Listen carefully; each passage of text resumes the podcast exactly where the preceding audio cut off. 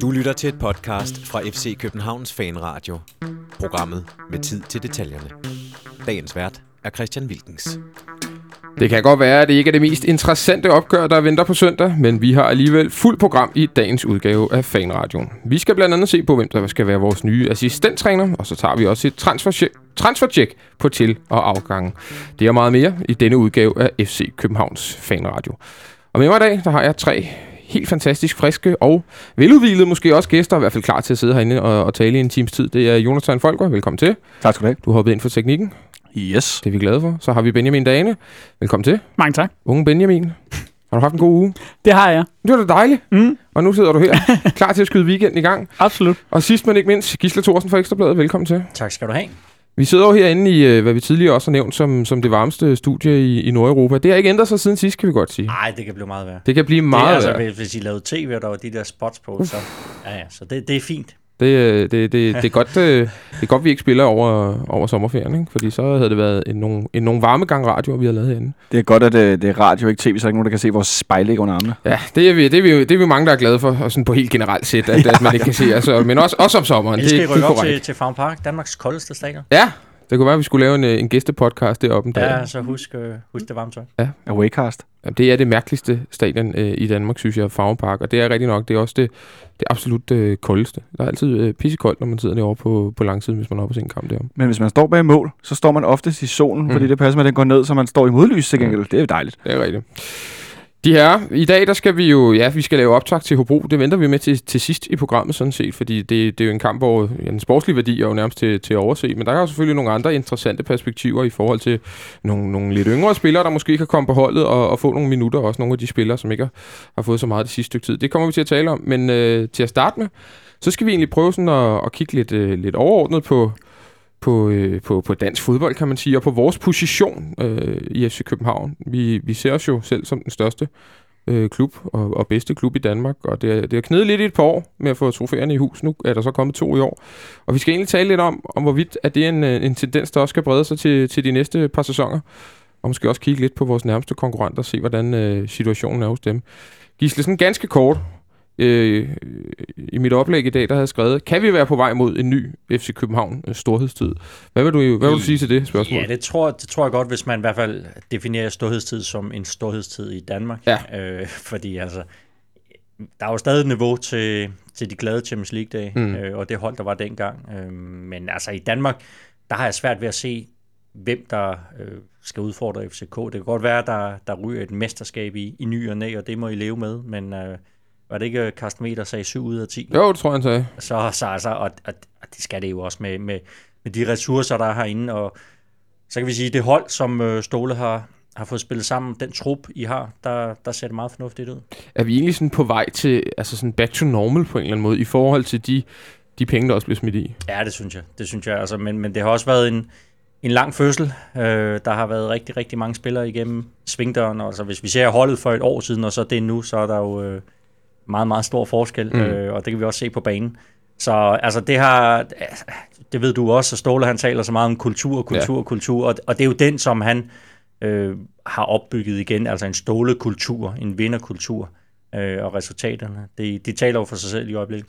Men synes du, det har, synes du, det har taget for lang tid sådan set? Fordi han har jo også fået øh, kri- kritik, Ståle. Han har været her, øh, altså det var hans tredje sæson, han var i, i gang med, efter han øh, kom hjem igen, og de første to øh, kastede ikke et mesterskab. Nej, altså det, det første det kan man jo så sige, der kommer han syv den, runder inden. Den, og den der- anden sæson, den, den, var ikke, den var ikke helt god, men med til historien, der hører vel også, at var der ikke mange, rigtig mange skader i den Jo. sæson. Øh, Og Midtjylland var altså... og Midtjylland var gode. bare mange altså, point, ikke? det, det, det, gjorde de så altså. Man kan sige, okay, den, øh, den var ikke god, men øh, den var heller ikke sådan katastrofal. Øh, og så kan man sige, det I lærte den sæson, det var jo, at der var brug for lidt mere kreativitet på de her kanter, og der kan man sige, det, det hentede man jo hurtigt, altså for Kusk ind, for Ankersen ind, for Verbitz ind, Mm. meget, meget tidligt i, i transfervinduet. Så det var, det var ligesom, okay, så er vi der igen. Benjamin, hvad synes du peger i den rigtige retning lige nu? Jamen, øh, altså det er jo igen det her med, at man har fået nu kan vi selvfølgelig sige, nu risikerer to af dem at ryge her i, i transfervinduet, men man har fået skabt den her stamme på holdet, som man hele tiden kan falde tilbage på. Og der er det her Altså man har bare en fornemmelse af, at, at, at, at det falder aldrig helt igennem. Øhm, og, og, og man kan sige, hvis vi får lavet sådan en kontinuerlig udskiftning på den, hvis ikke vi mister Delaney, Nikolaj og, øh, og Sanka i samme transfervindue til sommer, mm. hvilket Ståle jo også har været ude og, og, og udelukke, tror jeg, han sagde til Jyllandsposten, at de bliver ikke solgt alle tre. Jamen, så, så hvis vi kan lave den her kontinuerlige udskiftning og ramme nogenlunde, så bliver vi ved med at kunne bibeholde den her sådan, centrale akse på holdet. Øhm, og, og det tror jeg er vigtigt, også fremadrettet. Det var jo også det, vi havde i, øh, i årene, inden det gik galt, så at sige. Altså, der, der var den her kontinuerlige udskiftning i, i stamspillerne på, øh, på den centrale del af banen. Øh, det, det tror jeg betyder rigtig meget. Jeg skal lige sige, hvis der er noget, øh, noget runge i, øh, i, i lyden, så er, det, så er det fordi, der står en mand nede på gaden og er i gang med at brække nogle, øh, noget fortov op, eller et eller andet. det, eller en væg, der er i gang med at blive øh, øh, havlet ned her ved siden af. Altså, jeg er ikke helt sikker på, men vi kan i hvert fald høre det igennem vores, øh, vores hørebøffer, men jeg er ikke helt sikker på, at det går igennem til, til lytteren. Lad os håbe, det ikke gør. Øh, Jonathan, tilbage til, til, til fodbolden. Øh, både Gisle og Benjamin er inde på, at det, det peger i den rigtige retning. Øh, har du samme fornemmelse af, at, at vi kan være på vej mod noget, noget rigtig, rigtig stort? Ja, det har jeg. Øhm, det har lidt andre udsigter end tidligere, øh, fordi jeg synes, at den største forskel for både 6-holdet og for 10-11-holdet, det er, at de erfarne landsholdsspillere. Sådan plus 25, spillet landskampe, været i udlandet, har erfaring både fra europæiske ligaer, europæiske kampe og landshold. Mm. Dem har vi ikke så mange af lige nu. Øh, hvor vi tidligere havde den, både på det første og det andet hold, der var stammen på holdet var mere af den type spillere, end der er lige nu, hvor det er mere, at der er nogle ældre, som har prøvet det Anton sådan øh, hyggeligt godt nok, men det er ikke så meget dem, der er de bærende kræfter. Og det synes jeg er en stor forskel, netop i forhold til, at nu risikerer vi på en dårlig sommer at sælge de tre vigtigste måske, Nikolaj, øh, Sanka, Delaney. Mm. Men det er vel også det med, at FCK i høj grad er blevet en sælgende klub. Lige præcis, og det, det er så forskellen, ikke? At, at, man skal jo have nogle lidt yngre kræfter ind, øh, som, som der er lidt, øh, kan man sige, salgspotentiale øh, i, og ja, det rammer, men øh, sådan er strategien. Ja, og, så, og sådan er det vel også for alle andre hold øh, i, i Danmark, så vores, øh, vores hvad kan man sige, magtposition i Danmark er vel ikke... Altså, vi er vel ikke mere udsat i forhold til at skulle sælge spillere, end, end FC Midtjylland er, end Brøndby er, end OB er? Nej, det tror jeg ikke, men jeg tænker bare, at balancen er sværere at finde end tidligere. Ja. Fordi der valgte vi at holde på dem, altså helt tilbage, også øh, før, øh, altså i, i i 02, 03, 04, der holdt vi jo spillerne kontrakterne ud. Ja. Også selvom vi kunne have solgt dem for penge, så måske et halvt år før, men så ellers så holdt vi dem. Og det gav jo, altså balancen var nemmere at holde, fordi du simpelthen bare havde spillerne så længe, som du i anførselstegn havde lyst til. Benjamin? Jeg tror mest det her med, med den nye strategi med, at man kan sige, at vi er blevet en sælgende klub, det tror jeg mest af alt altså, kommer til at udfordre os i forhold til at tage det der sidste skridt op til niveauet, som for eksempel 10-11 holdet har. Altså det er den, der er svær, hvis du, øh, hvad hedder det, for eksempel hver sommer siger, jamen, du kan risikere at miste op til to profiler, for eksempel. Mm. Så er det det der sidste skridt, der, der bliver svært at tage.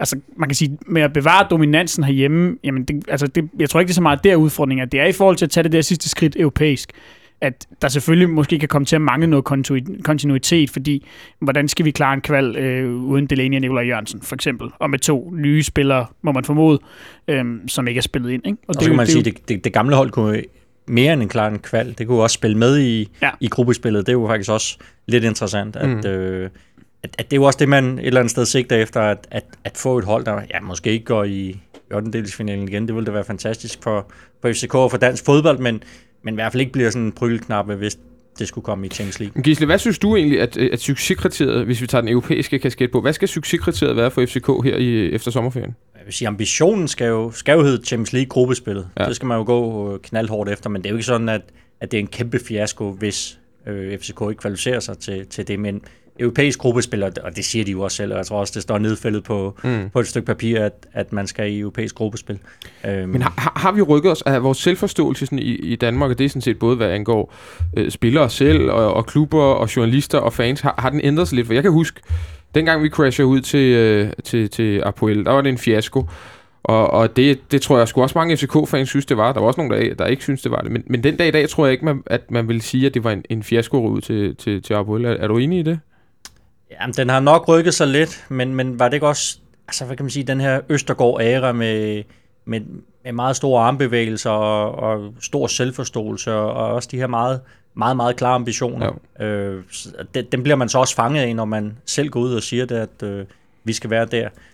Nu her, der jeg ved ikke, om det vil sige mere realistisk, men, men det er sådan lidt, lidt mere afdæmpet. Stadigvæk københavnsk, men lidt mere afdæmpet. Mm.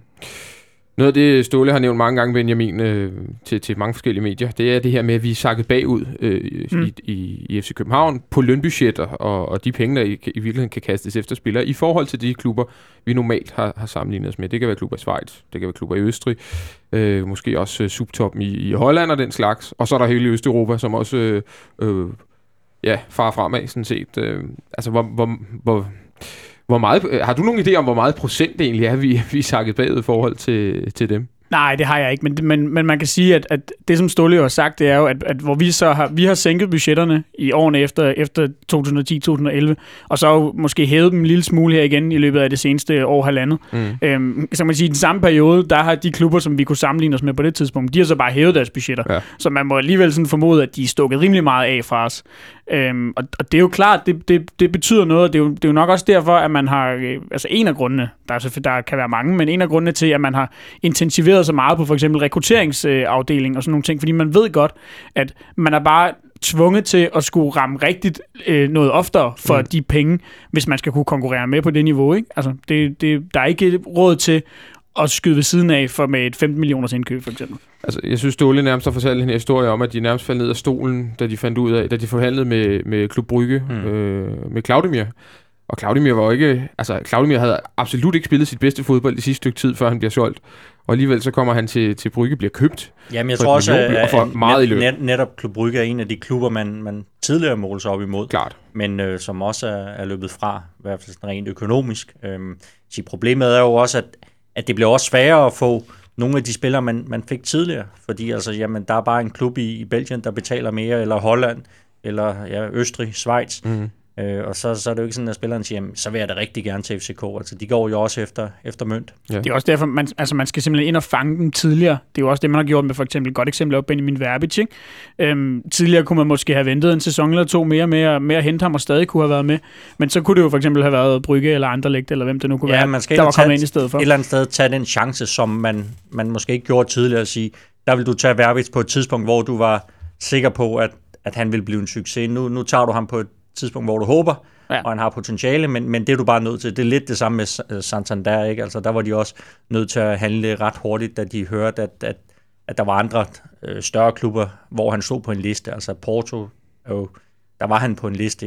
Ja, der var også andre navne på mm. den liste. Han var nok ikke deres første valg, men, men de var også nødt til at signalere meget, meget tidligt at sige, okay, han er vores, få ham over og skrive under. Øh, og det er, jo, det er jo virkeligheden. Jonathan, vil du være, vil du være tilfreds med et Europa League gruppespil i år egentlig, eller, eller vil det være sådan lidt, øh, vi snakkede lidt om det sidste, eller vil det være sådan en, øh, en, en, en, en, en, med lidt bittersmag i munden, når du tog det, det gruppespil? Det kommer rigtig meget an på, hvordan truppen ser ud, når vi skal spille det der kval.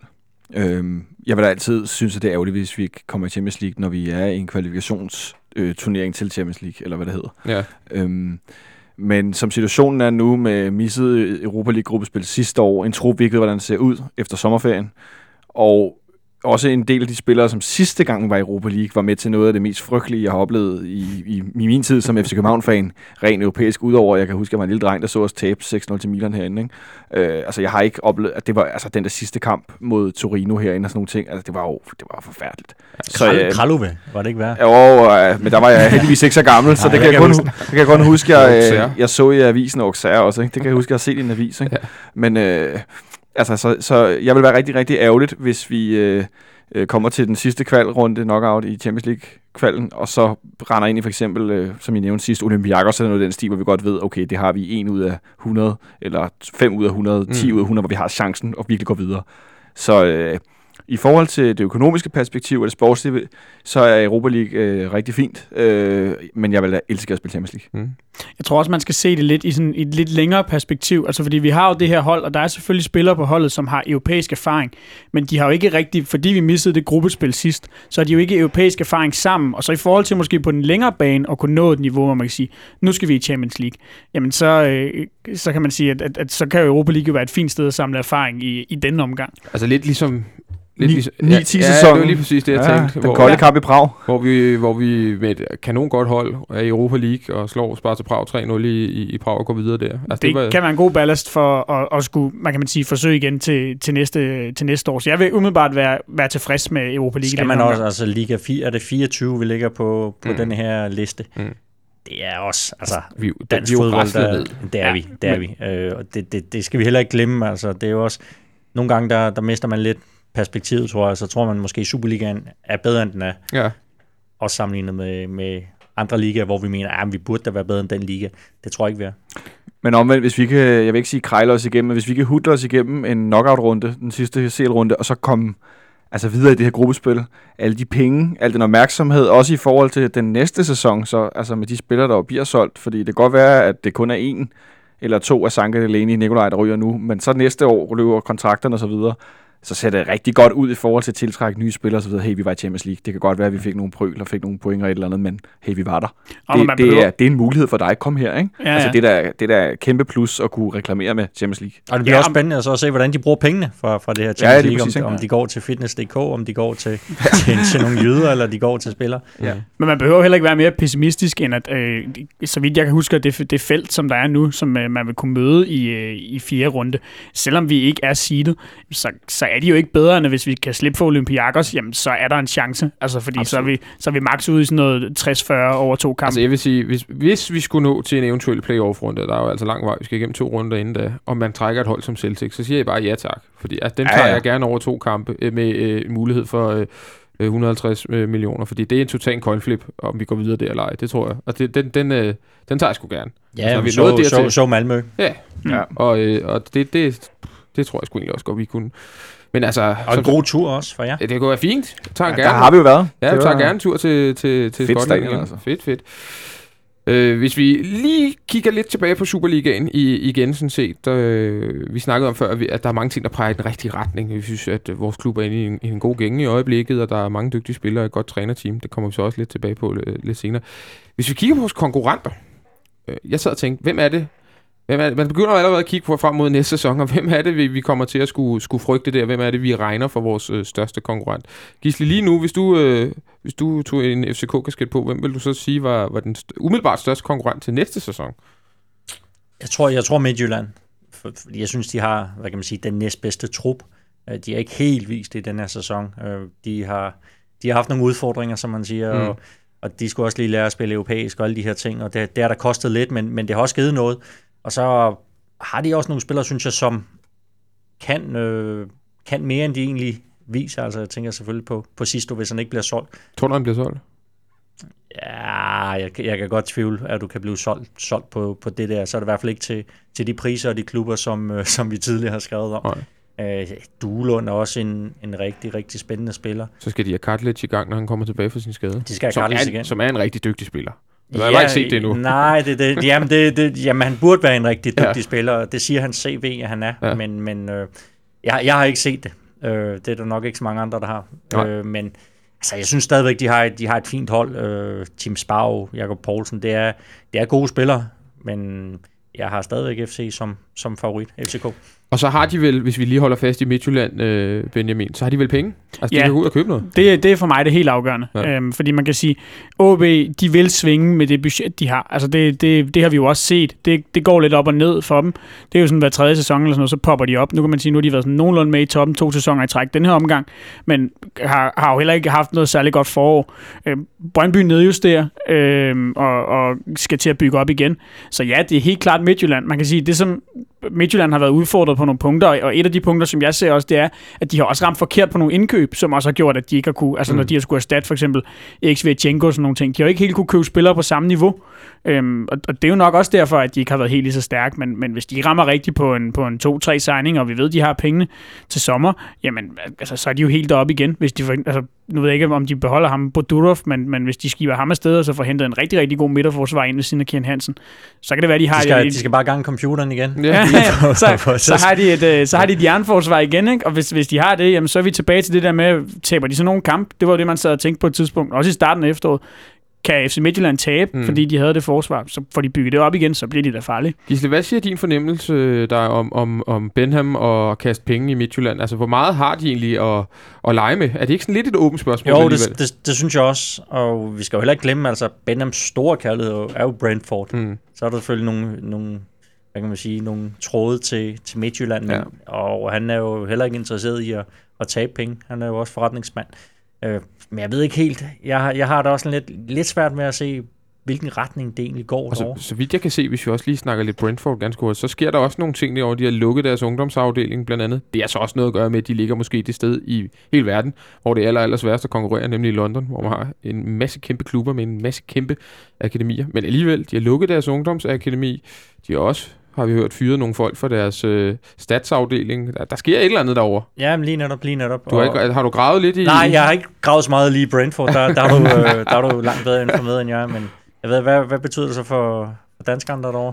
Ja, Jeres det, tidligere det, ja, det, er, det er nemlig det, der render, P. der render en, øh, en, øh, en, en fyr rundt over, der hedder Flemming P. Ham havde jeg faktisk tænkt, at vi også skulle, skulle måske bringe på banen ja. lidt senere, fordi der, der skal vi snakke med assistenttræner. Det er jo kommet frem i dag. Peter Vettergren, han skal til, øh, til Sverige igen og være svensk U21 assist, nej, slutter vold, Sveriges øh, assistenttræner på, Mm. på landsholdet.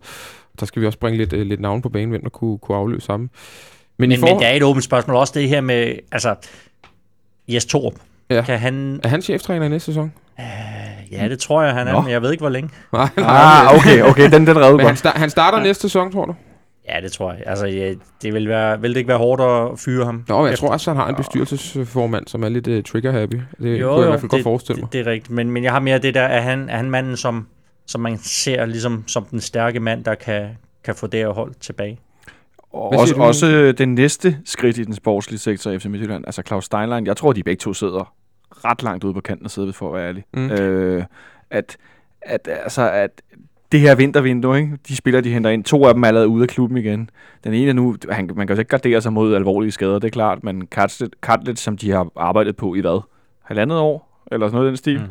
Han kommer ind, får en alvorlig skade, spiller nærmest ikke. Sidst du får man ikke skudt afsted, som du selv siger før, Gisle, nu har han altså ikke i nærheden af, hvad de så meget værd. Han var mange kampe, han spillede den her sæson. Han har Altså- spillet en del. Men, Ja, han har bare ikke scoret øh, nogen mål. Nej, det, Han har ikke scoret nogen mål, Og og det er så, det, der er problemet. han har ikke scoret nogen mål. Altså, han er meget, meget få faldet assist også. værdi. Øh, så henter de Budov, som de rammer med. Han spiller nu og er blevet okay, efter han kom i kampform. Men altså, det, og der er ikke meget koncept i det spil, i spillestilen. Og som du siger, Vilkens... Øh, Benjamin virker, altså både os, han Og virker Ankersen. sådan en som, og Ankersen specielt, ikke? Altså, der skal ske noget, ikke? Fordi ellers så, så gør vi bare noget andet. Jeg tror i forhold til Midtjylland, at det, det bliver rigtig, rigtig spændende altså det, det, at se, hvad der sker i det sommervindue, fordi det er jo også ligesom det, der kommer til. Vi sidder her og siger, at vi ved ikke helt, hvor de er, hvor mange penge bruger de, og, og, og så videre. Vi kommer jo til at se rigtig meget, tror jeg, øhm, på den måde, de agerer i sommertransfervinduet, hvad der ligesom er, er strategien fremover. Fordi hvis Benham bare lukker op for posen igen, jamen så er det jo, fordi han er villig til at poste mange penge. Men det kan jo godt være efter det transfervindue, der har været her i vinter, han siger, nu holder vi lige. Og de har jo også et godt, øh, et godt U19-hold og sådan nogle ting. Så det kan også være, at de tænker, at øh, nu, nu prøver vi at, at hive par vores egne op og satse lidt på dem i stedet for. Ikke? Men jeg vil sige, øh, bare oplysning om, altså jeg ved ikke, om det er korrekt, at de ikke længere tager ud og scouter kampe, men at de kun kigger på, på stats, ikke? Altså så tænker jeg, jamen så skal de jo også ramme helt vildt skævt på meget, fordi så ser du ikke, om de passer ind i truppen sådan rent Altså, menneskeligt. jeg, jeg tror, der kører øh, mange forskellige øh, historier om det der. Det, det, den, den, det, jeg har hørt, er, at de har scouts, der tager ud og ser kampe, men så kigger de, de kigger ikke på, hvordan han spiller. De kigger nemlig på, hvordan han, hvordan han opfører sig, hvordan hans øh, kropssprog er, og kommunikation på banen og alt sådan noget. De er faktisk fuldstændig ligeglade med, om han øh, øh, jeg ved ikke, sparker to frispark i kassen, eller om han ikke gør. Det, det, det, man gerne vil se som scout, det er egentlig, hvordan en spiller han øh, agerer og reagerer i ja. modgang.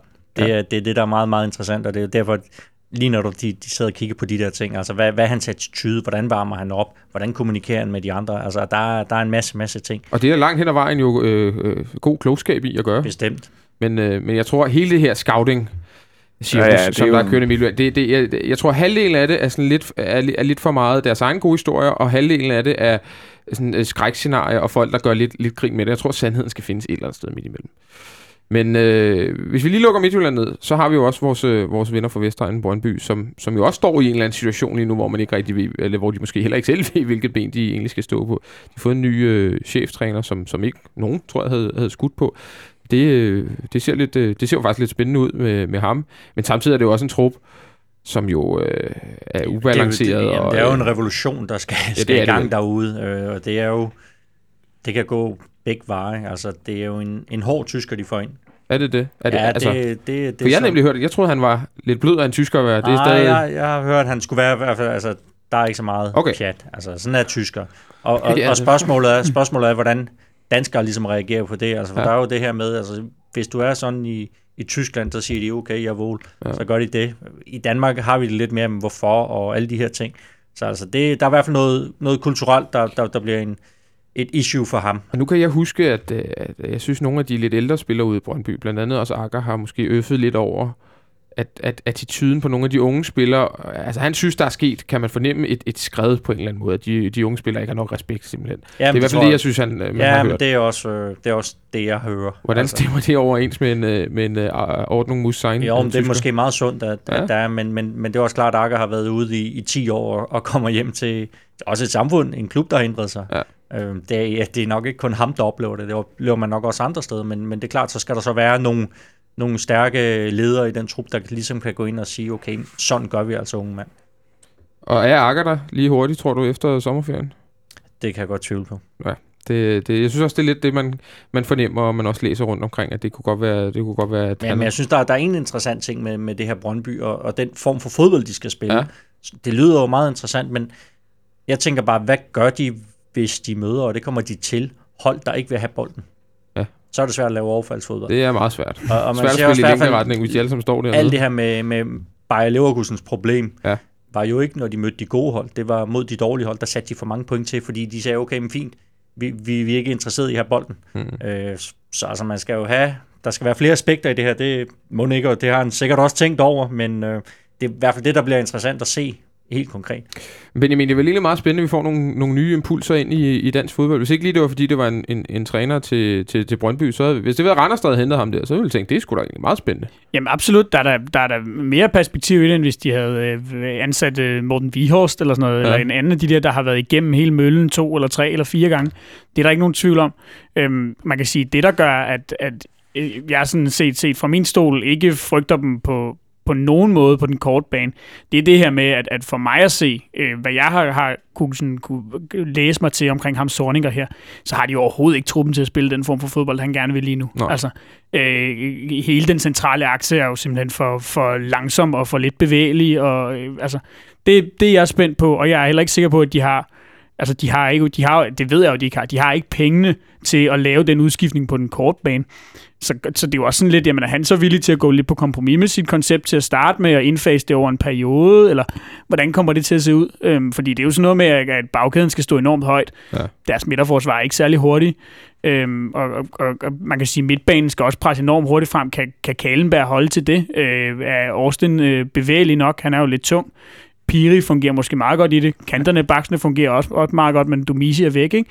Så altså, jeg tror, de kommer til at, jeg tror, de kommer til at slås meget med det i starten, og jeg tror, det bliver på længere sigt, hvis, hvis det bliver godt, det der. Der skal, der godt. skal lave en, en revolution, øh, men, men man har jo ikke så rigtig mange penge at gøre det for. Altså, det, Nej, det er det ene, og, og, og så bliver det interessant jo også, om man har tålmodighed. Ja. Fordi altså en ting er at sige, at vi er tålmodige og alt det her, men, men hvis man kommer katastrofalt fra start, og fansen står derude og Og I er der også. Og ja, det kan du tro, vi er. Øh, og alle de her ting. Nå, men altså, det er jo, det, er Ja. jo det der klassiske at sige, holder man så fast, eller altså, ryster man på hånden?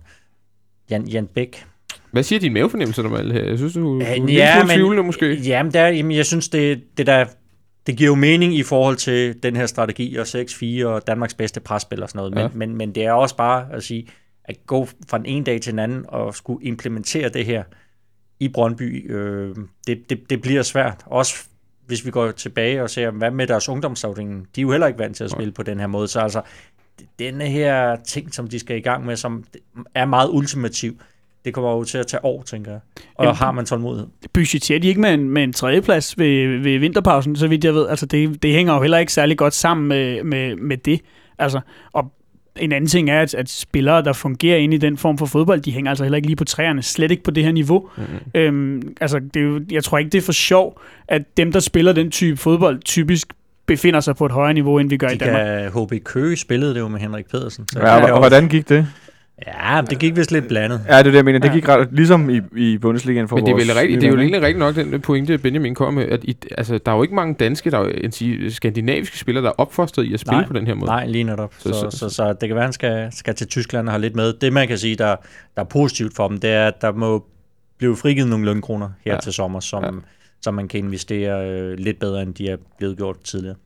Overordnet set synes jeg, det lyder som om, at vi egentlig er, er ganske godt... Øh, altså, vi har et godt, en god tro på, på fremtiden og på næste sæson set med FC København-briller, øh, at øh, vores nærmeste konkurrenter hænger måske en lille smule i det og skal også igennem en, en periode med, med en del udskiftninger. Og, øh, og hvor mange udskiftninger vi så skal have, det tager vi et blik på lige om lidt. Nu skal vi til gengæld kigge lidt på vores eget hold. Nu har vi kigget på utrolig mange af vores øh, konkurrenter, og øh, vi har jo talt meget om, at der, der kommer til at ske nogle, nogle udskiftninger. Så må vi se, hvor mange det bliver, og hvornår de kommer. Det er jo også lidt forskelligt. Ståle har blandt andet i dag sagt noget om, at øh, man kunne godt forestille sig at beholde Neolaj egentlig et ret langt stykke tid ind i, i transfervinduet, måske også helt ind til nogle af de europæiske kampe, kvalkampe overstået. Det ville jo være meget godt, for han er jo en, en, en vigtig mand at have med i de kampe. Øh, men øh, Robin Olsen og Peter Ankersen, det er måske dem, vi sådan tænker, det, det kunne være nogle af de første handler, der bliver lavet. Det talte vi om sidst også. Gisle, hvad, hvad er din fornemmelse med de, lige præcis de to herrer? Ja, men jeg tror, man vil have dem begge to. Øh, Robin bliver nok lidt lettere at få til en ordentlig pris end, Ankersen. Ankersen skulle have en frikøbsklausul. Jeg hører både 12 og 15 millioner, jeg ved ikke. Mm. Det ligger sikkert leje. Sikkert derimellem. Ja, og det, det, det synes jeg alligevel er sådan relativt mange penge for, Ja. ja. for ham. Også hvis man tænker på hans gensalgsværdi og alle de her ting. Um, så, så hvis man får ligesom forhandlet den ned til, til noget, der minder om et, et cifret millionbeløb, så, øh, så, så synes jeg, det giver rigtig god mening. Og, og Robin, der kan vi sige, at FCK har jo aldrig været bange for at hænge keeperkamp med to gode målmænd. Nej, og Så- det, det trækker det jo på nogen måde op til at blive næste sæson. Hvad, hvem, hvem tror du, hypotetisk set, hvem tror du så vil trække sig sejret ud af, en, af sådan en uh, målmandsduel? Jamen, jeg tror, Robin han ville så starte i, i målet, fordi han er, er sluttet og haft en, et godt halvår. Øh, Så, så skal Stefan Andersen nok sidde og håbe derude, at, at han bliver skadet, så det må man selvfølgelig ikke håbe, øh, eller, eller lave nogle fejl. Ja. Det, er det ikke sådan lidt, det har været billedet herinde? Altså, det, er jo sådan, det, er jo, det er jo sådan, det har været siden Altså, Vil- Jesper og Vil- Wieland, Vil- ikke? og så kom uh, Wieland og Stefan, og nu er det så uh, Stefan og Robin, ser, ser det ud til. Og det virker som om, det er den måde, Ståle gerne vil have det på. Jamen, han vil godt have den der keeper-konkurrence, øh, og han sagde jo også tidligere, at øh, han gav Wieland for lang snor ja. i, i den dårlige sæson, som øh, han, han startede med. Så så det, er, det er vel lidt der, altså, han, han, nu ser man lidt anderledes, tror jeg, på, på det her keeper-spørgsmål, at det er ikke sådan, at du får fem øh, chancer i træk. Nej. Du får måske to eller tre. Hilser du sådan en, øh, en målmandsduel velkommen, Benjamin? Ja, det gør jeg. Øhm, det, det, altså, jeg tror også, at, at, det kan hjælpe med, hjælpe med at blive bedre. Altså, at de holder hinanden skarp. Mm. Øhm, og jeg vil da også sige, altså, jeg tror også, umiddelbart, hvis ikke øh, at, Robin Olsen dykker i niveau eller bliver skadet eller noget, så tror jeg også, den plads er hans, fordi det ville være underligt at, at bænke ham efter et godt forår øhm, for en mand, der er på vej tilbage fra en, fra en skade. Og, og jeg synes jo, de, altså umiddelbart synes jeg at de, de, de er ret jævnbyrdige. De har nogle lidt forskellige styrker, ikke? Øhm, Stefan er måske lidt mere reaktionsstærk inde på, inde på stregen, mens at, øh, at Robin Olsen, det, altså, er, jeg synes, der er lidt mere ro omkring ham, og jeg synes, han er bedre ude i, ude i feltet, og det synes jeg er vigtigt på et hold som, øh, som vores, at, øh, at vi har en keeper, der er god ude i feltet. Jeg kan stadig ikke helt finde ud af Robin Olsen. Hvordan har, hvordan har du det med ham, øh, Jonathan? Meget på samme måde. Ja. Nogle kampe, så er han blændende og napper ting, man måske ikke altid forventer, at keeperen napper, og så andre kampe, så, øh, så ser han sådan lidt øh, usikker ud lige pludselig. Lidt. Altså, jeg har mest øh, lagt mærke til noget med øh, afslutninger tæt rundt om hans ben, tæt ja. på ham. Jeg ved godt, at manden er høj. Ja. Men der er noget med, blandt andet det mål, Marmora laver op i farven. Altså det der med, når den kommer tæt på ham, og han ligesom skal ned og lave sådan en shotstop, hvor man ser det der med at skulle dykke ned med armen. Mm-hmm. Mm-hmm. Der er et eller andet der, der er ikke rigtig godt, hvor han simpelthen er for, han er for stor og lidt langsom og sådan lidt. Ikke? Hvor Stefan er netop, som, som Benjamin siger, altså han er, Jeg er stærk på stregen. han er stærk på stregen. Jeg, har, jeg, jeg indrømmer, som vores gode ven Nikolaj Stenmøller, altså jeg er sgu ikke fan af en gammel Brøndby-spiller, det er jeg ikke. Nej. Men øh, jeg må bare kende, at, at han er rigtig, rigtig god øh, inde på stregen. Det er han virkelig, og med, sådan med straffespark og sådan det har vi jo set. Mm. Så øh, Robin Olsen, jo vi skal signe ham, selvfølgelig skal vi det, men ej, jeg, jeg kan heller ikke helt, at det virker stadig som om, han har noget rust i forhold til, at han sad og blomstrede nede i øh, Saloniki, eller hvor, hvor, hvor hvad det nu er, PAOK ligger i. Jeg, øh, jeg, jeg må indrømme, jeg synes lidt af den der, og det, er- det er jo sådan mest, hvad jeg har kunne fornemme sådan i, i fankreds, øh, for jeg tror ikke, at der er nogen, der er nogen sådan, øh, øh, journalisterne eller noget, der har snakket om, men den kritik, der lidt har været intern, sådan, øh, hvad hedder det, af Robin Olsen, som jeg især synes, at at blomstret en lille smule op, efter han, han så lidt dum ud på det her frispark ind mod Mm. Midtjylland. Jeg, jeg, jeg synes, den er en lille smule overdrevet, må jeg, må jeg ærligt indrømme. Ja, hvorfor? Øhm, jamen, jamen, fordi at, at øh, jeg ved ikke, jeg synes bare, det bliver... Altså, han har, han har haft den, det frispark, og så har han haft en enkelt i, hvad hedder det, i, øh, mod AB, Ja. hvor han ikke får, øh, får bokset et hovedstød ordentligt ud af, ud af nettet, så at sige. Øhm, jeg ved ikke, jeg, synes, jeg, det, det, dem synes jeg, folk lægger lidt for meget i, øh, hvad hedder det, og, og, og kigger for lidt på, på alt det positive.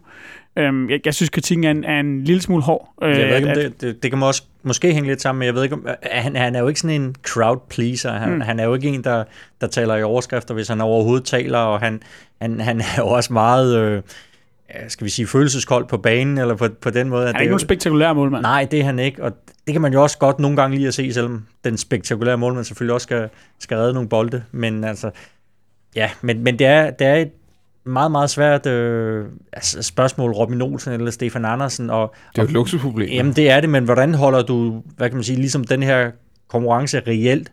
Fordi der er jo tit en af, af de to målmænd, der vil, eller ham, der trækker, hvad kan man sige, det korteste strå, han, han, han vil jo nok tænke, ja, men der er jo ikke reelt konkurrence. Jeg tror, det var i hvert fald lidt sådan, at Wieland havde det Men det, jeg sidst. lidt hørt dig sige før, Gisle, øh, hvor du tolkede lidt på noget af det, Ståle havde sagt, det er måske, at, at han kunne godt tænke sig sådan en keeperduel, men han kunne også finde på at skifte ud.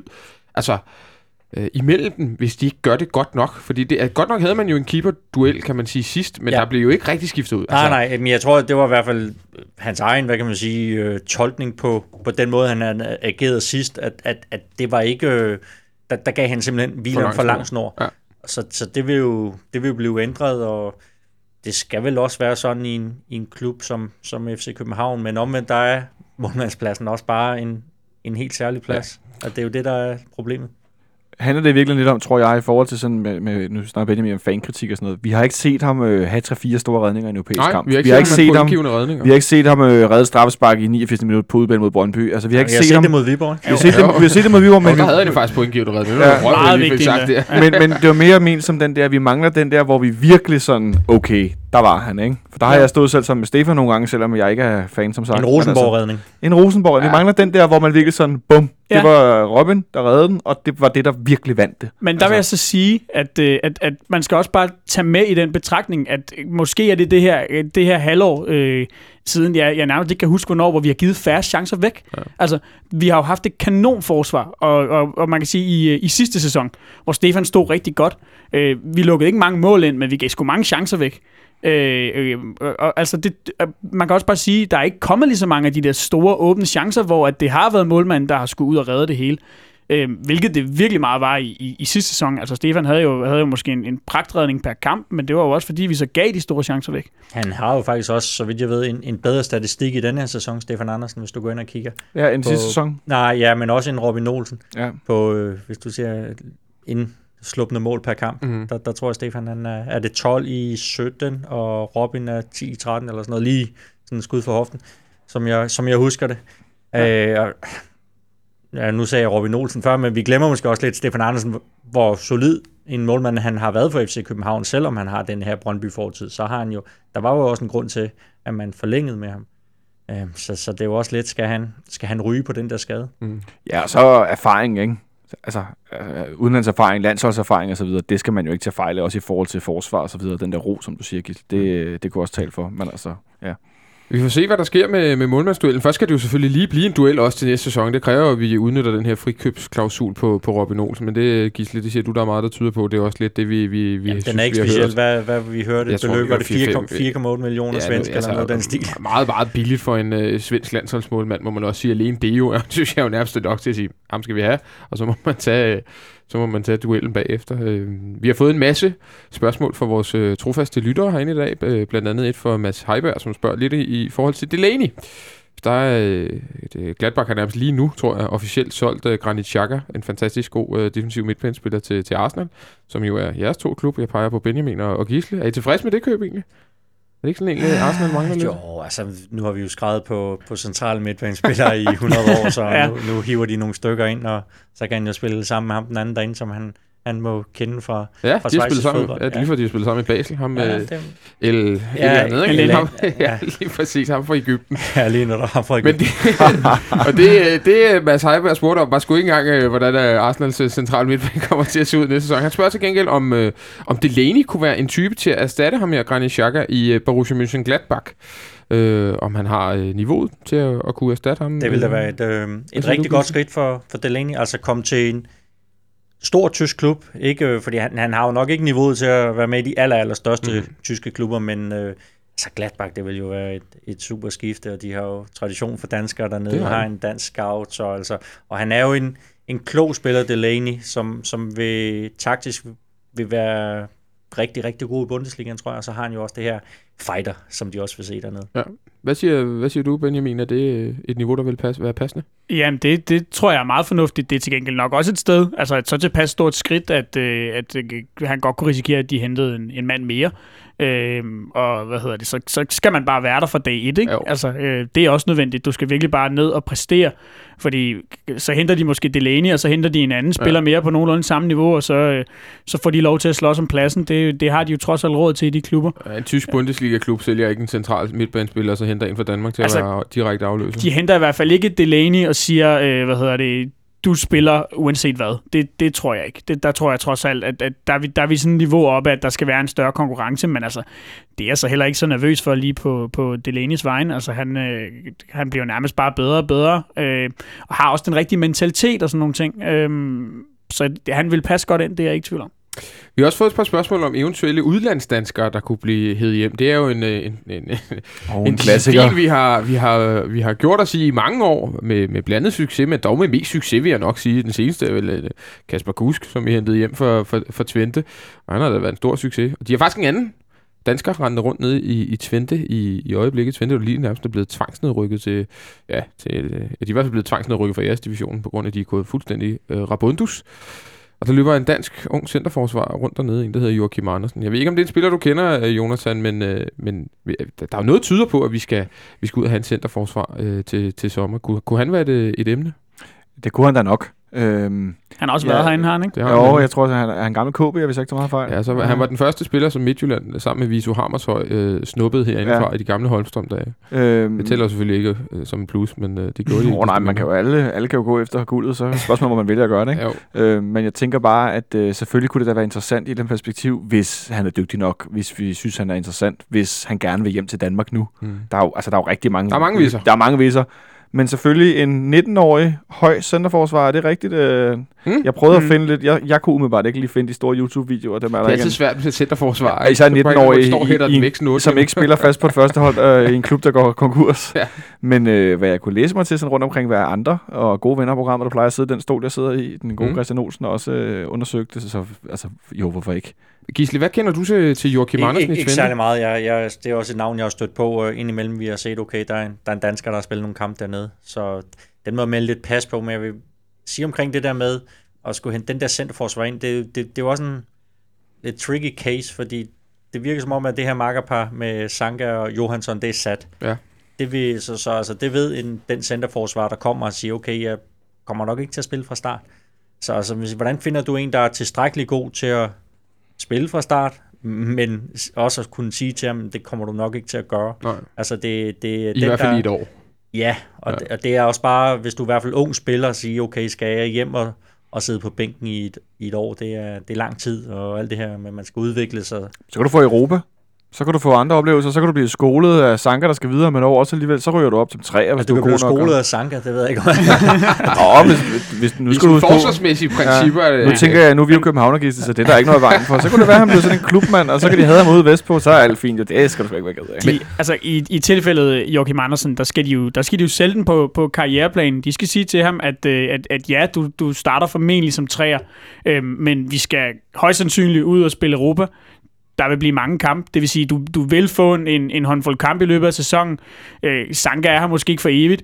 Erik Johansson er her måske heller ikke for evigt, især ikke, hvis han spiller et, et, et godt EM her i sommer. Så man skal jo ligesom kunne, man skal kunne præsentere ham for den her, for han er jo trods alt kun 19 år stadigvæk, så vidt jeg har, har kunne komme frem til. Er det. Man skal jo kunne præsentere den her lidt langsigtede plan og sige, ja, det er godt, at du ikke bliver fastmand med det samme. Det er du heller ikke i Twente, men øh, man kan sige, at vi lægger en god plan for dig, og så om øh, to, tre, måske fire år, jamen, øh, så kan vi skyde dig afsted, og så er du klar til den store scene. Ikke? Altså, der kommer vel også måske nogle kampe her i starten af sæsonen, hvor det jo ikke er sikkert, at Erik Johansson er, er med i centerforsvaret, fordi vi Sverige gør det rigtig godt. Mm. Og så skal han have lidt ferie. Øh, nu er det så lige kommet frem, at han, han, han får en uge nu her. Det har folk, der lytter til det her program til den tid, det er kommet ud nok Men du, opdaget. du kan godt lige sige det. Men jeg kan godt sige alligevel, det er Ludvig, Robin og, og Erik Johansson, der får en, en uges ferie nu, og så øh, får de måske en uge mindre øh, efter, øh, efter EM, eller hvad man skal sige, så, så de, kan være, de kan være med der igen. Men alligevel, Afhængig af, hvor langt Afhængig af, Sverige hvor kommer. langt, Altså, øh, de, Sverige de, går, de ikke? risikerer jo at skulle spille en øh, kvalifikationskamp to eller tre dage efter EM-finalen. Kan du se Sverige vinder igen? Nej, det kan jeg dog ikke. Nej, nej, nej. Hvad siger vi? Er vi ude i et Leicester odds? Ja, det, ja, nå, ja, U21 holdet gjorde det der sidste år. det er rigtigt, og Sverige og idræt, det er bare to ting, der går øh, rigtig godt i, i spænd, så, øh, så ja, hvorfor ikke altså. Men det er jo rigtigt nok, at der kan jo godt komme nogle kampe der i starten af sæsonen, hvor en eventuelt Mm. øh, ny midterforsvar kunne få nogle, øh, nogle kampe. Gisle, hvis nu ikke, nu er Joachim Andersen, jeg skal også være ærlig om, øh, jeg kender ham mest af navn, øh, og ikke af, af evner.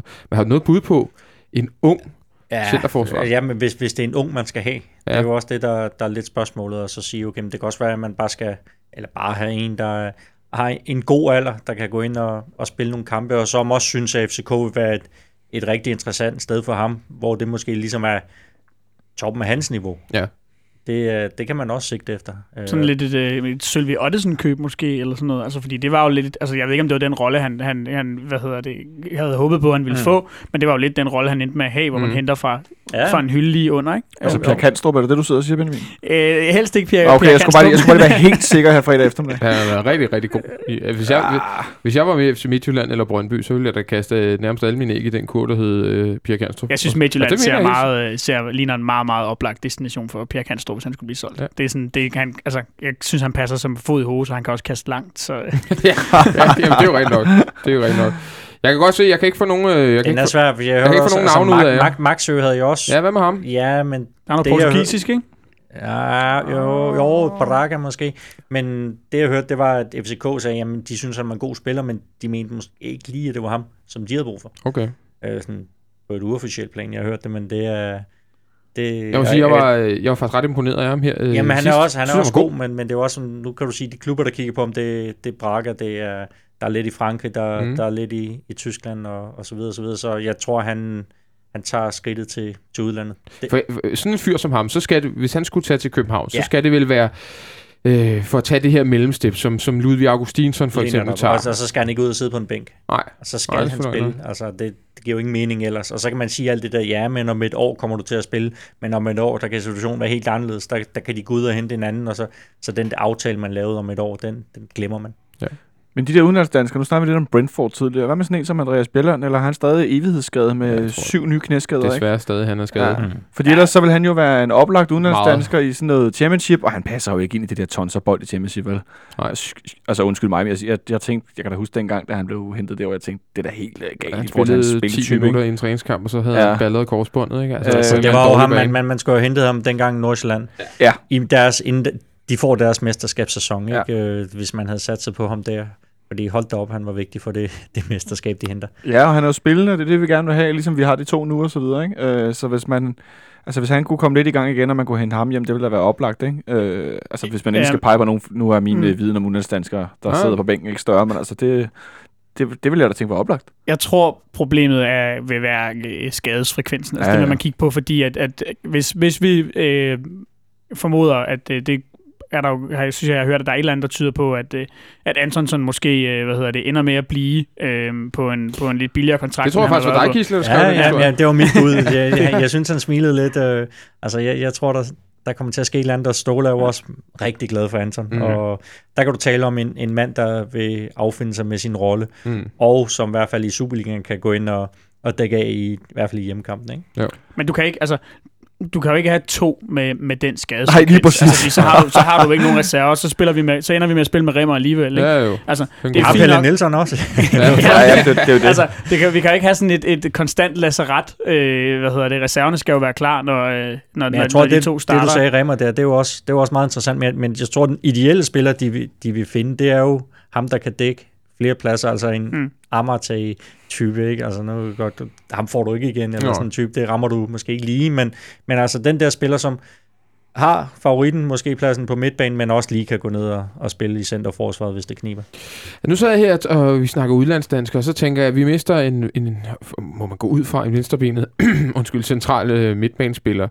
Øh, og så kommer jeg til at tænke på, øh, oppe i IFK Jødeborg, der render øh, en tidligere FC Midtjylland-spiller godt nok rundt, men øh, en, dygt, en dygtig en af slagsen, øh, Mads Albæk, øh, det kunne være, han også vil, øh, vil til at vinde nogle, øh, nogle, nogle titler. Øh, Gisle, hvad du, du Ja, jeg nikker lidt. Hvad, ja, hvad jeg synes også, han er, han, er, han er en fin spiller, og han har også gjort det rigtig godt i, i Sverige. Så, men, men Er det, er det, er det øh, for lavt på, på hylden, eller øh, for for højt er det jo, er det jo ikke? Altså, det tror jeg ikke, der er men, nogen, der men sige. det, det er i hvert fald det, et interessant navn, som jeg, jeg tror, de vil gå meget og analysere på, men er hans øh, hvad kan man sige, hoved til at spille i en klub som FC København, for mm. det er jo også lige så meget det, det handler om. Altså man har jo set talrige eksempler på spillere, der var, der var rigtig gode Superliga-spillere, der, der så kom herind til, til parken, og så, så skete der altså et eller andet. Wirtz, for eksempel, ikke? Wirtz, ja. Hvilket er helt altså, Jo, jo. mærkeligt at tænke på, hvor, hvor skidt han var, rent Det var faktisk. lidt ligesom om, han, han døde på den fejl nede i Lissabon. Ja. Ja. Åh, oh, dumt. Det var ellers... Der var, jeg, jeg vil bare Ja. sige, der var varmt. Der var, det, var, ja, det var noget god, god portvin, jeg drak, men øh, det var anden gang i Portugal inden for nogle år, ikke? her. Smid den lige over i fødderne på Rui Costa med fem minutter Ja. tilbage. Det var ikke det smarteste karrieretræk, men, øh, men sådan kan det gå. Hvad siger, hvad siger du til et navn som øh, Mads Albeck, Benjamin? Han er også anført, så vidt jeg huskede, i en ret tidlig alder i Midtjylland. Ja, men jeg, jeg synes, det er en lille smule svært, fordi jeg må erkende, at jeg har, altså, jeg har sgu ikke rigtig set ham spille for, øh, for Göteborg. Nå. Øhm, så det, jeg husker ham fra, øh, fra FC Midtjylland, jamen, det, det var jo også en god spiller, som jeg også kan huske, at, at vi, altså, som der blev snakket om, i hvert fald i fankredse, Mhm. mm-hmm. øh, dengang, inden han tog til udlandet. Jeg tror måske, jeg, jeg kan få det sådan lidt, at, øh, at, at, at jeg håber, at vi lige kommer en, en hylde højere op, når okay. vi skal erstatte Delaney. Om, om det så er realistisk, det ved jeg ikke, men, men, men det er jo måske bare sådan mine, mine personlige forhåbninger. Og jeg ved, øh, Jonas, du har set øh, sådan cirka 0 minutter nogensinde af IFK Göteborgs kampe, hvor FCK ikke har været... har- ah, det er ikke helt sandt. Det er ikke helt okay. sandt, fordi en gang imellem, så vælger de jo, vælgte de i hvert fald tidligere dengang, der var noget, der hed Kanal 8 og Kanal 9. Der viste de faktisk øh, alsvensker en gang imellem. Gør det det? Og nu er jeg jo sådan en, jeg har prøvet at regne ud, det undskyld lille sidespring, jeg har prøvet at regne ud, hvor mange fodboldkampe jeg ser øh, på en måned, ikke? Og det er u- uforskammet mange. Ja. Det er øh, nærmest altså, helt åndssvagt, man kan slukke fjernsynet. Ja. Og dengang så jeg også nogle alsvenske kampe. Okay. Og der har jeg også set IFK nogle gange på det der stadion, hvor jeg i starten tænkte, hvor fanden er, hvor er nye Ulevi, og det der smukke, Mm. mm. det der tribunekonstruktion, der sådan, øh, har det der De har svung. fået et nyt stadion, ikke? De har det der nye, lille, meget kompakte stadion, hvor Mm. de spiller... Øh, Af nye gamle Ullavi. Præcis. Ja. Fantastisk navn. Ja, det er er en godt. svensk-finsk løsning. Nye og gamle, ikke? Jamen, fordi de har jo både gamle Ullavi ja, og nye nye Ullavi, og så, altså. så lavede de så nye og gamle Ullavi. Jamen altså, hvorfor gør det svært? Ja, som jo er et meget kompakt stadion, med Ja, tilskuerne rigtig tæt på banen. Øh, jeg, jeg kunne forestille mig, at til udsolgte kampe er der en ret hæftig stemning på det stadion. Der har jeg faktisk set IFK spille nogle gange. Men ikke Mads Albeck. Også. Mads Albeck, Okay. øh, som jo har, har scoret faktisk en del mål og Ja. været ret afgørende for IFK. Øh, og jeg kan huske dengang, da han skiftede til, var det Rem? Ja, Ikke Ren, men Rem. Stade de Rem. Stad de Rem, ja, lige præcis. At der var der noget snak om, at vi vist også var ude efter ham og så videre. Og så endte han i Frankrig. ikke? Øh, så, men hvis jeg ikke tager meget fejl, så var det før, at Ståle kom tilbage. Mm. Øh, så kan jeg vide, om det kan jo være CV, så ved vi ikke. Der, han er jo gang i altså, Sønderjyske, jeg ved ikke hvad. Ikke? Ja, jo. Så nu kommer der også en helikopter. Men det var, det, var, det var egentlig også bare et, øh, et navn, jeg sådan lige øh, øh, rev ud af, af ærmet her, fordi jeg tænkte, vi skulle have ligesom et eller andet ligesom at gå ud fra. Det, der, er- vi skal lige pointere, at der er ingen rygter om det, og vi prøver ikke at starte rygter, vi ved i øvrigt overhovedet ikke skid. Men du claimer, claimer credit, når Men, vi øh, går vi- igennem, når, hvis, han, Men vi- hvis han bliver præsenteret i morgen, så er selvfølgelig her, herfra. Ikke? Bevares. Bevares, bevares. En, øh, en anden nyhed, der kom frem i dag, øh, vi var øh, måske kort på det tid, øh, inde på det tidligere, det er, at vi skal have ny assistenttræner. Jeg tror, vi, vi nævnte det i vores, øh, i vores intro. Peter Wettergren, efter et år i København, så skal han tilbage til, til Sverige. Han skal være svensk øh, assistent på landsholdet.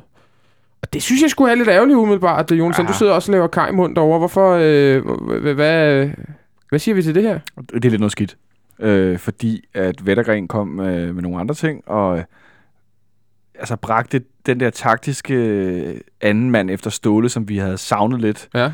Hvor at øh, Brian Riemer mere er den sådan animerende type, og meget sådan aktiv, og med de unge spillere, og sådan Mm. den, den er lidt anderledes. Og så kom der den her, ligesom Bort Vigen øh, tidligere, og altså, der kom den her ind med notesblokken, som var virkelig var ham, der øh, har styret altså med hele det der dødbold øh, den analytiske kasket måske. Den analytiske og meget med modstandere og sådan en videreudvikling dybere. Ja. Øh, og så er det jo, det er jo gået meget godt. Så derfor synes jeg, det er rigtig ærgerligt, at han forsvinder efter et år. Hvis nu det var gået af helvede til, vi nummer 4, og Midtjylland løb med det hele, Mm. så kunne det være, at jeg tænkte, ja, okay, vi skal gøre et eller andet, ikke? Tag ham Sverige.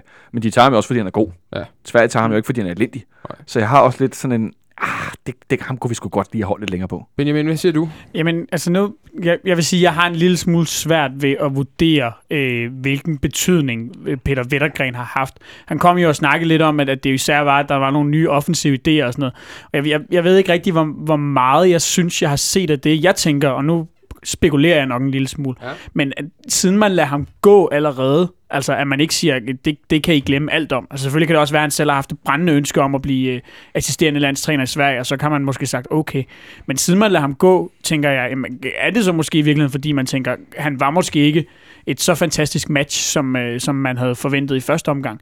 Altså fordi, hvis, hvis, hvis han, han virkelig havde, havde rykket det offensive, og han var en, en enorm vigtig brik, så medmindre han, som sagt, krævede at komme til at, at, at få den her post, så kunne det jo godt være, at man havde sagt nallerne væk. Altså, man kan sige, det her forår har vi jo rent faktisk, i hvert fald på hjemmebane, sprudlet rent Jeg, jeg offensivt. tror gerne, man ville have holdt ham, og, men, jeg tror, der er jo få ting, der er, der er mindre værd end spiller eller træner, der ikke har lyst til at være en, i den klub, de er. Øh, Så, så man kunne godt have sagt, okay, men du, du bliver her, men, men så har du nok også fået en mand, der var, der var ja, Utilfreds. ja og det, det, det gider man bare ikke vel. Så altså, det, er da, det er da et tab, men øh, det er jo også noget, man skal kunne løse.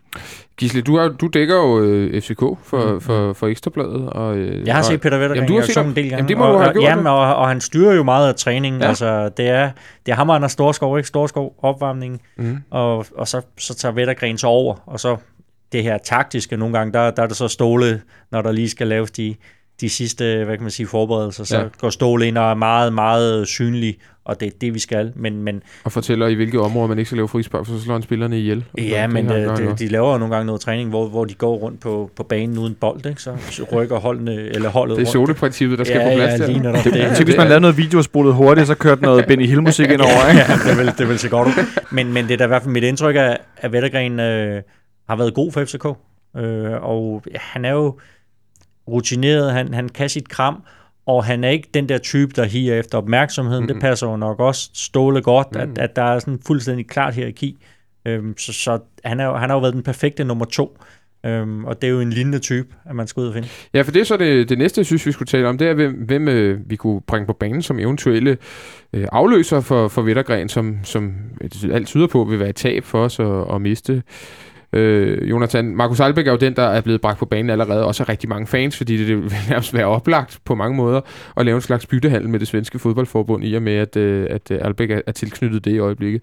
Hvordan vil du have det med at få, få Albeck her ind i en assistenttrænerrolle? Og det ville jo gøre København øh, 250% smukkere. Ja, udover det.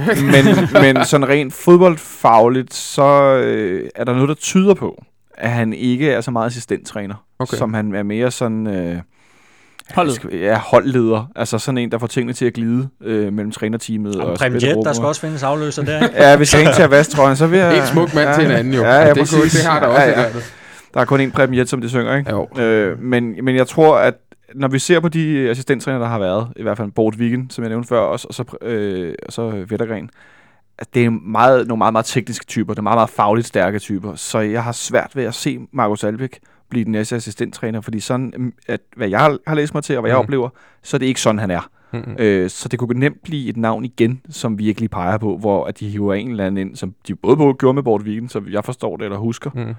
og med Vettergren nu. Ham her, han er rigtig dygtig at kalde de her ting, og der må man bare sidde og sige, okay, hvem fanden er han? Jamen, de skal jo have en mand, som elsker at være ude på, på træningsbanen Ja. i en træningsdragt, ja. og som øh, kan sit kram, og som øh, er glad for ligesom den der rolle at sige, at jeg er god på træningsbanen, det er det, jeg kan lide. Men måske også en, der er lidt mere first team coach end tidligere, fordi Ståle jo nu ikke er træner, men er manager. Ja. Så jeg tænker, at det er også en, der er lidt mere, som, som Gisle fortæller Jamen, han skal være selvkørende, kan man sige, Ja. ja. på den fasong. Det er ikke en, det er ikke en læreplads at Nej, skulle ind og, øh, og som være... CV i gamle dage, under, altså i forskellige... Hans Bakke. Ja, og under Og Roy. Og Roy, ja, ikke? Roy faktisk. hvor ja. at CV jo var assistenttræner. Ja. Ja. Ikke? Men der var Roy også træner, han var ikke manager. Mm. Så jeg, jeg tænker også, at det skal være en, der er lidt mere på den måde, altså ja, selvkørende det skal jo, være- det skal jo helt klart være en, en kapacitet og en, der er erfaren, og det man måske sådan lidt kan, kan frygte, øh, uden at det skal være nogen, nogen kæmpe stor bekymring, det er jo netop, at det skal være en person, der er så tilpas dygtig, og så tilpas fagligt stærk, og så tilpas erfaren, men som samtidig øh, heller ikke øh, vil, altså vil, vil affinde sig med en assistentrolle, vil affinde sig med at være nummer to.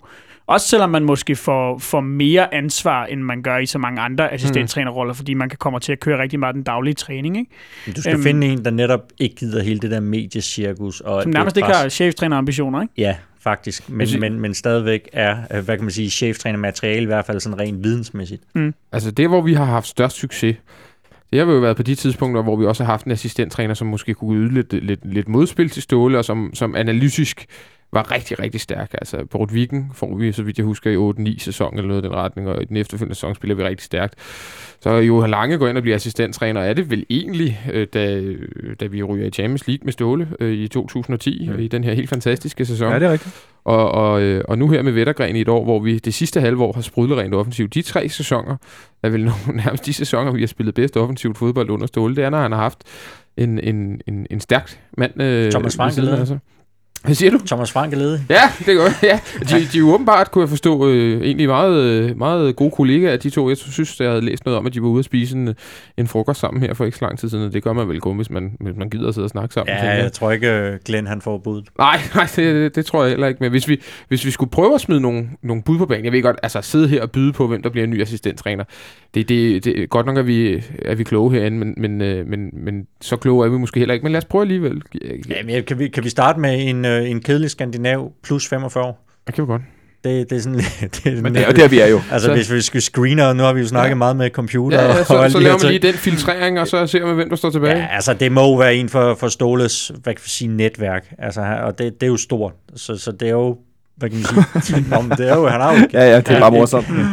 et kæmpe netværk, den mand. Øh, og, og det er jo også det, der er så vigtigt for ham, det er jo, det er jo folk, han kan, kan stole på. Ja. Altså, som han 100% siger, okay, det er det her projekt, du skal være med i, og, og jeg stoler på dig, og jeg skal vide, at, at jeg kan stole 100% på dig. Altså, det er jo den, det ham, man skal ud og finde. Det er ikke en, der skal, der skal gå med en, øh, en lille kniv og være klar til Nej. at stikke den i ryggen på. Vi stod her jo for en år siden og skulle have en øh, assistenttræner. Man har jo lige været, man har jo nærmest lige været igennem hele processen. Øh, vi aner jo ikke, hvem der var i, i betragtning dengang, men man kunne jo godt forestille sig, at man måske ringede op til, til, til nogle af dem, man også havde talt med det, og hørt, om de var mere klar på det nu. Mener, har du, noget, har du, har du en eller anden, hvor du tænker, det, det kunne være en idé, fordi Albæk er du måske heller ikke sådan helt øh, skudt på, eller hvordan? Nej, altså det, det er lidt øh, de, altså de samme forbehold, som, øh, som Jonathan har. Ja. At, øh, det er, jeg, tror ikke, jeg tror slet ikke, han har erfaring til det. Altså det, det om 10 år, Mm. eller sådan noget. Øhm, jeg, jeg, jeg ved det ikke, for jeg, jeg synes, det er svært, fordi jeg har ikke... For det første, jeg, jeg tror jeg, min, min indsigt i øh, kanondygtige assistenttræner rundt omkring er lidt begrænset. Øhm, og så er det fordi, jeg, ikke- jeg, jeg måske ikke lige synes heller, at der er, en, der er nogen... Altså, om, om der lige er en dansker, i hvert fald ikke herhjemme lige nu, hvor jeg tænker, det kunne godt være ham. Øhm, så jeg, jeg synes, den er svær. Jeg har ikke noget oplagt bud. Skal vi hive Michael Silberbauer hjem? Han er blevet assistenttræner nede i Schweiz. Ja, det er på, faktisk- på et lavt niveau, Ja, hvis han, jeg, vil, han, og han vil gerne hjem. Det er Ja, faktisk rigtigt. hvis jeg endelig skal nævne nogen. Men Han er videoanalytiker for, i Lucerne for Markus Babbel. men hvad var der? Så var der Uh, noget med, at øh, han ved Babel og noget med noget et eller andet, og i forhold til ham, der kom ud i Brøndby, jeg hørte godt, jeg synes, jeg hørte lidt om, at der var nogle kontak- kontakter til et eller andet, anden det dansk klub, og der var noget. Babbel har været i Stuttgart i hvert fald på et tidspunkt. Ja, men der, der har Sonic været også. Så der var et eller andet med noget der, hvor jeg tænkte, nå, der er vi Silberbauer ind, og det er jo det, jeg skulle da blive ked af. Ja, men, Men det, altså- man, man, man skal jo også have en mand med, med, med langt, langt større erfaring, Ja, der lige ligesom præcis. kan takle, takle, hvad kan man sige, den her spillergruppe. Altså i, i, i Brentford lige nu, der har de jo en, øh, en dansk øh, gut øh, tilknyttet, der hedder Flemming Pedersen, mm. Som også tidligere har været i, i FC København. Øh, i, ja, det er 10 år siden, tror jeg i hvert fald. Ja. Ja. Senest i dansk fodbold har han været hos FC Nordsjælland, blandt andet i julemand i hans øh, Ja, sæson. og som, som jeg forstår det, der var man, man lidt triste i FC København, da han smuttede. Det, det, det, det tror jeg, du har ret i. En uh, all-around good guy, som man siger, er mit indtryk uh, af Flemming Pedersen.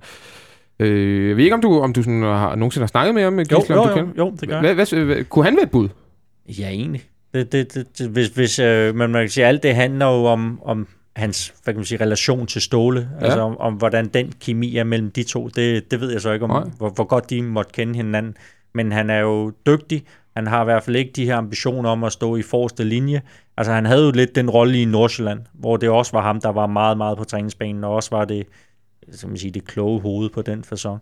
Så altså jo, øh, Flemming P., det vil... Øh, det er i hvert fald et, et af de bedre bud, vi har hørt i dag. Han er, han er lidt, det der hedder Hov, hov. Development Squad Head Coach i, i, i Brentford. Det. Tidligere har han øh, været ja, assistent øh, for først øh, Vihorst og så julemand i FC Nordsjælland, og siden i Mainz også, øh, Ja. da, da julemand var, var dernede. Øh, og så har han været anholdstræner her i FC København under øh, Roy Hodgson tilbage i, i, i tidernes morgen. Ja, han havde jo, ja, var det Danmarks seriehold, det var, eller, ja, det Ja, havde han. det- og det så har det været anden dengang. division også, men Det- lige da det ja, Det kan godt passe.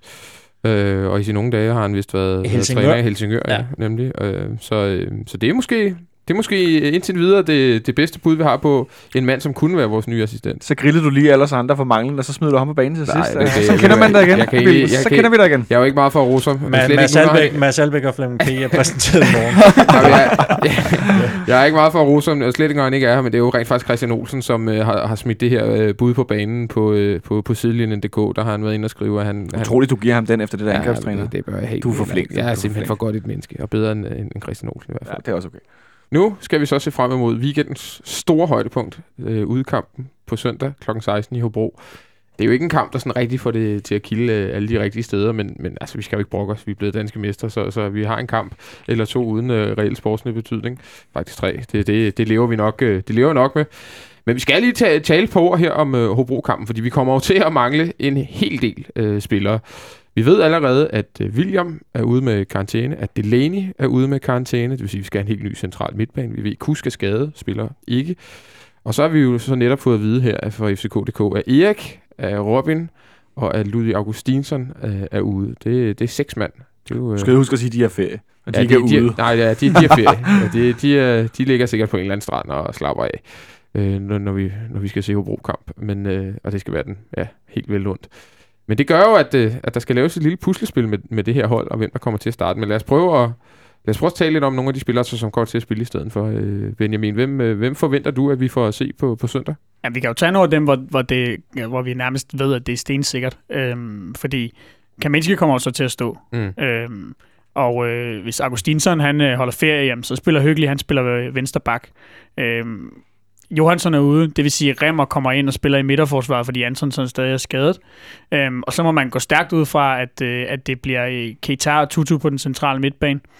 Øhm, og så er vi vel, altså, så er vi næsten ved at være ude i noget Daniel Manko på højre kant, og øh, Baskim Kadri på venstre, medmindre Verbic er der selvfølgelig også. Ja, han spiller, er stadig. ja, han spiller formentlig Mm. øh, den ene kant, øh, og så enten Baskim eller, eller Danny. Og så, øh, så bliver det vel Cornelius, og så enten Nikolaj Jørgensen eller Santander øh, i angrebet. Øh, det, det tror jeg er sådan det, det mest realistiske bud. Øh, som jeg nåede at sige lige før, så, så håber jeg meget på at, at få lov at se øh, Baskim Kadri på, på toppen. For det er klart, det jeg synes, han er bedst. Og hvis han nogensinde skal have sådan en chance for at spille sig tilbage i nærheden af startopstillingen på den plads, så, så er man også bare nødt til at give ham noget kamptræning derop nu hvor der er muligheden for det. Så det Mm. vil jeg gøre. Øhm, men det er jeg ikke sikker på, at det bliver sådan. Gisle, jeg kom lige til at tænke på en ting i forhold til, til Antonsson her. Mm. Øh, det, det, jeg, Maske. Ja, jeg så nemlig Ja. også, du havde skrevet, at det, de arbejdede lidt på at få lavet en eller anden Ja. maske til ham måske. Ja, men det var, det var ham selv, der sagde det. Han, han var jo meget, meget opsat på at, at spille inden sæsonen her slutter, og, Okay. og der er jo ikke noget galt med hans, hvad kan man sige, Fysisk. Fys, nej, lige netop. Han, må, han kan jo løbe og alle de her ting. Problemet er, at ansigtet er lidt skrøbeligt, efter man har fået øh. Cornelius i hovedet. Ja, så, så, så, skal man ikke få Cornelius i hovedet lige en gang til. Nej. Så det, det var det, han var ikke så optimistisk, men han var i hvert fald meget opsat på, at, at vi jo ligesom i hvert fald prøve, så, så det må ikke han sigter mod den 29. lige Jo. at få et øh, indhop med maske, og så gå ned og, Ja. ja. og sige goddag med den. Og så Hobro kommer nok øh, lige en postgang for, for tidligt for Antonsen. i den her Ja, jeg vil sige Justesen eller sådan noget i hovedet. Ja, ja. Det, øh, ja, det er ikke, det er ikke lige det- den kamp. nej, det er også nogle, nogle drenge, der går til den dog. Jonathan, øh, hvad tænker du i forhold til, til det bud, øh, Benjamin øh, kom med øh, Baski måske i angrebet? Det er i hvert fald det, Benjamin gerne vil se. Og øh, Danny fra start. Tror du, tror, det er, tror du, han har fysikken til det, Danny? Nej. Og så øh, tror jeg også, fordi at, at øh, jeg, jeg, jeg gad godt at se Danny på den ene fløj, på venstre, Verbitz på højre, og så Baske Markona op foran. Fordi at øh, Baske Markona er begge to, sådan som jeg husker det, og, og, sådan, ah, jeg sad lige og prøvede, mens du snakkede før, Benjamin, og sådan huske tilbage, at Baske slår mig som værende, når han spiller angreb, og så er han bedst med en stor. Mm. Og Corner har egentlig også været rigtig god med at spille med, altså sige med Santin og sådan, med, med en, altså den der klassiske stor lille angriberkonstellation i 4-4-2. Og øh, hvis det endelig skulle være, jamen så lader der Corner og Baskem spille, og så har vi Nikolaj Santander på bænken, så kan de sidde derude og stå sten, saks, papir, om der skal blive topscorer. Ikke? Øh, at nu fortalte Santander jo den anden dag i et interview med, med, med FCK TV, at han, og han havde snakket med Nikolaj, han kunne godt tænke sig at overhælde ham. Ikke? Sådan, Ja. altså, Er det Så- derfor, Nicolaj aldrig spiller? ja, det, jeg skulle så sige. Det, det kunne også være, fordi han er så bange for, at så stopper Santander i sit løb med bolden. Ikke? Han sagde det også efter kampen i mandags, at det han skulle bruge resten af sæsonen på, det var at score flere mål end, end Santander. Ikke? Ja, Så, præcis. De er begge to bare på, på 11 nu? Øh, 12-11, eller- ikke? 12-11? 12-11, ja. Okay. Øh, så jeg, så jeg, jeg tænker lidt, at øh, det kunne da være fint at se dem, men jeg tror, det bliver lidt mere konservativt. Ja. Og så bliver det Baskim måske på venstre, Verbitz på højre, og så kommer Manko ind i anden halvleg. Måske i stedet for Verbitz endda, fordi øh, så er det ham, der har spillet mest, og så skifter man lidt ud, og det betyder ikke noget sportsligt, som Vilden siger. De taler også altid meget om, at ligesom spillere, de skal rigtigt i gang efter de her skadespauser, så mange fra start, det er nok at, at stramme den lidt over for, for hans fysik. Altså, jeg tror, Kadri ikke startet en eneste Superliga-kamp i den her sæson. Nej, jeg tror, han er kommet ind i 14 eller 15. Men det kunne vel godt være nu? Det kunne sagtens være nu. Men, men der kan man sige, der har han også, der har han også blevet bygget op. Ja. Nu har hans skade så også været, været af mere alvorlig karakter i forhold til, til Mangfa. Men øh, ja, Bas fra start, og så kommer Mangfa ind i, i pausen måske, eller efter en time. Jeg tror, vi er mange FCK-fans, der egentlig gerne vil se Amankva få nogle øh, minutter, også efter det der fuldstændig fantastiske indhop, han lavede ja, op i Aalborg, vildt, og, og den her, øh, ja, helt øh, out of this world øh, assist, han lige, øh, han lige får lavet der. Altså, Især for en spiller, der, der inden han blev skadet, der aldrig, nærmest aldrig lavet sidste eller mm. mål. Ikke? Altså, det, det var, jeg tror også, det er derfor, man sådan nærmest var ved at falde ned af stolen, fordi det har, man har bare, han har virkelig bare været sådan Mr. No-End Product, og så ja. kommer han ind, og så laver han det der. og hvis der er en spiller, vi har råbt skyd til, når han havde muligheden, så er det mange ikke? Er du galt? Han tonset forbi to modstandere med alt det speed, han har i benene, og så find det, find det, find det. Skyde menneske, ikke? Altså så, øh, jo jo, få ham ind, og spille lidt, og blive glad, og lige den gamle Danny, som var god med Midtjylland herinde, i mm. den der regnværskamp. Åh jo, det kan mand. Alle de her mange afbud og, og ferier og, og karantæner, vi har, det, det åbner jo også for, at vi får lidt, måske lidt unge folk øh, på bænken. Øh, Markus Mathisen må man gå ud fra, ham har vi efterhånden set mange gange på bænken. Man kunne også godt forestille sig, at vores øh, lange nordmand, Julian Kristoffersen, en, øh, en angriber for, for, øh, for U19-holdet, han også godt kunne være med. Han fik debut tidligere i år øh, i, i Farum, da vi tabte 2-0 deroppe. Der er også en, en, vensterbak, en ung vensterbak, der hedder Frederik Bay, som jeg personligt måske godt kunne forestille mig fik en, en, en bænkplads i den her, for jeg, jeg har nærmest, jeg har svært ved at se, øh, svært ved at se, hvem der skulle være med på bænken, fordi med så mange skader, så, så, så skal det vel suppleres et eller andet sted fra, Benjamin. De tager for 19-holdet, så stadig skal komme med, ikke? Ja, ja det kan være. Jeg tror, jeg tror der kommer vi, mange før ham. Altså, jeg tror, I... ja, når hele fryser tis. Vi skal derud og, og, og hente folk. Det er der slet ikke nogen tvivl om. Øhm, det, det bliver da også meget sjovt, hvis vi kan få lov at se dem få et, få et par minutter. Altså, jeg, jeg har det jo lidt sådan der, at det, altså, det, det er jo også lige så meget det, det handler om, det der med Baskim, at, at altså, der skal også være en grund til at se kampen, øh, og, og, og, og så vil man jo gerne se noget af dem, man måske ikke ser lige så meget til, fra, som, til daglig. Ikke? Altså, så altså, jeg har ikke nogen, en, nødvendigvis nogen større interesse i at se øh, øh Nikolaj Jørgensen og Santander rende og slås om, hvem der skal være topscorer. Det er jeg ligeglad med. Jeg synes, det, det er lidt sjovere at få lov til at, at se noget til nogle af de andre. Ikke? Men det er klart, der skal heller ikke gå fuldstændig hat og briller i den jo. Men er det ikke interessant med den her kamp, i forhold til også Delaney solgt til sommer, ikke solgt til sommer, at vi nu ender i en situation, hvor ham og William er ude på samme tid, og så skal vi måske, altså skal Tutu og, okay, så skal de spille på linje, eller skal vi spille med en diamant? Det kommer jeg med til at tænke på før. Måske kunne vi også se et, en lille formationsændring i forhold til de spillere, der er til rådighed. Det kunne jeg sagtens forestille mig, at vi måske stillede med en diamant på midten, fordi at, at Keita er noget mere defensiv, som jeg tænker mm. det, en Tutu, ikke? Øh, og så god er Tutu heller ikke til at spille sådan en flad. Altså han skal lidt frem og ligge med bolden, ikke? Øh, og så med de andre spillere, der til rådighed, at når der, der er mange offensive, mm. at hvis vi starter med, som jeg sagde før, øh, og Baskin på toppen, øh, så sidder Santander, så sidder Nikolaj, og så hvis vi så også har Julian Kristoffersen med, så har vi pludselig tre angriber på bænken. Mm. Det er også sådan en underlig ubalance, som der jo selvfølgelig vil være, men stadigvæk, jeg tænker, der kan det sagtens være mulighed for at rykke lidt rundt på det, for at, ja, hvad skal vi gøre? Der er jo ikke andre spillere. Altså, jeg glæder mig jo meget til at se Keita. Ja, det, det er da klart det jeg, mest, altså, noget af det mest spændende ved kampen overhovedet. Ja, det, jeg synes klart, det er det mest spændende ved kampen, det må jeg bare sige. Jeg, jeg, jeg regner med, at han starter. Jeg håber, han starter. Jeg kan heller ikke se, hvorfor han, han ikke skulle gøre det altså, på, på nuværende tidspunkt. Det er nærmest, jeg lige før jeg vil sige, jeg synes, han skulle starte, uanset om vi havde de to i karantæne. Ja, helt enig. Helt enig. Det tror jeg også, han ville have gjort. Altså, det håber jeg når man kan smide ham ind i, sådan, i en, i en pokalkvartfinale mod Randers, hvor han jo i øvrigt laver en af de mest øh, imponerende startdebuter, jeg nærmest nogensinde kan huske, jeg har set for en central midtbanespiller i FC København. Jamen, hvorfor skulle han så ikke få sådan en kamp som den her? Altså, mm. jeg er slet ikke i tvivl om, at man, at man især efter sådan en kamp stoler nok på ham til, at, at selvfølgelig gør man det. Jeg glæder mig til at se ham. Gisle, det, hvis du skal, jamen, se, jamen, jeg hvis synes du skal også, tvinges til at sætte dig ned og se den kamp, skulle, så, skulle så være jamen, Jeg ved ikke, hvad, hvad, hvad er der ellers i tv på det tidspunkt? Ja, det, det, er, det er ikke den der store...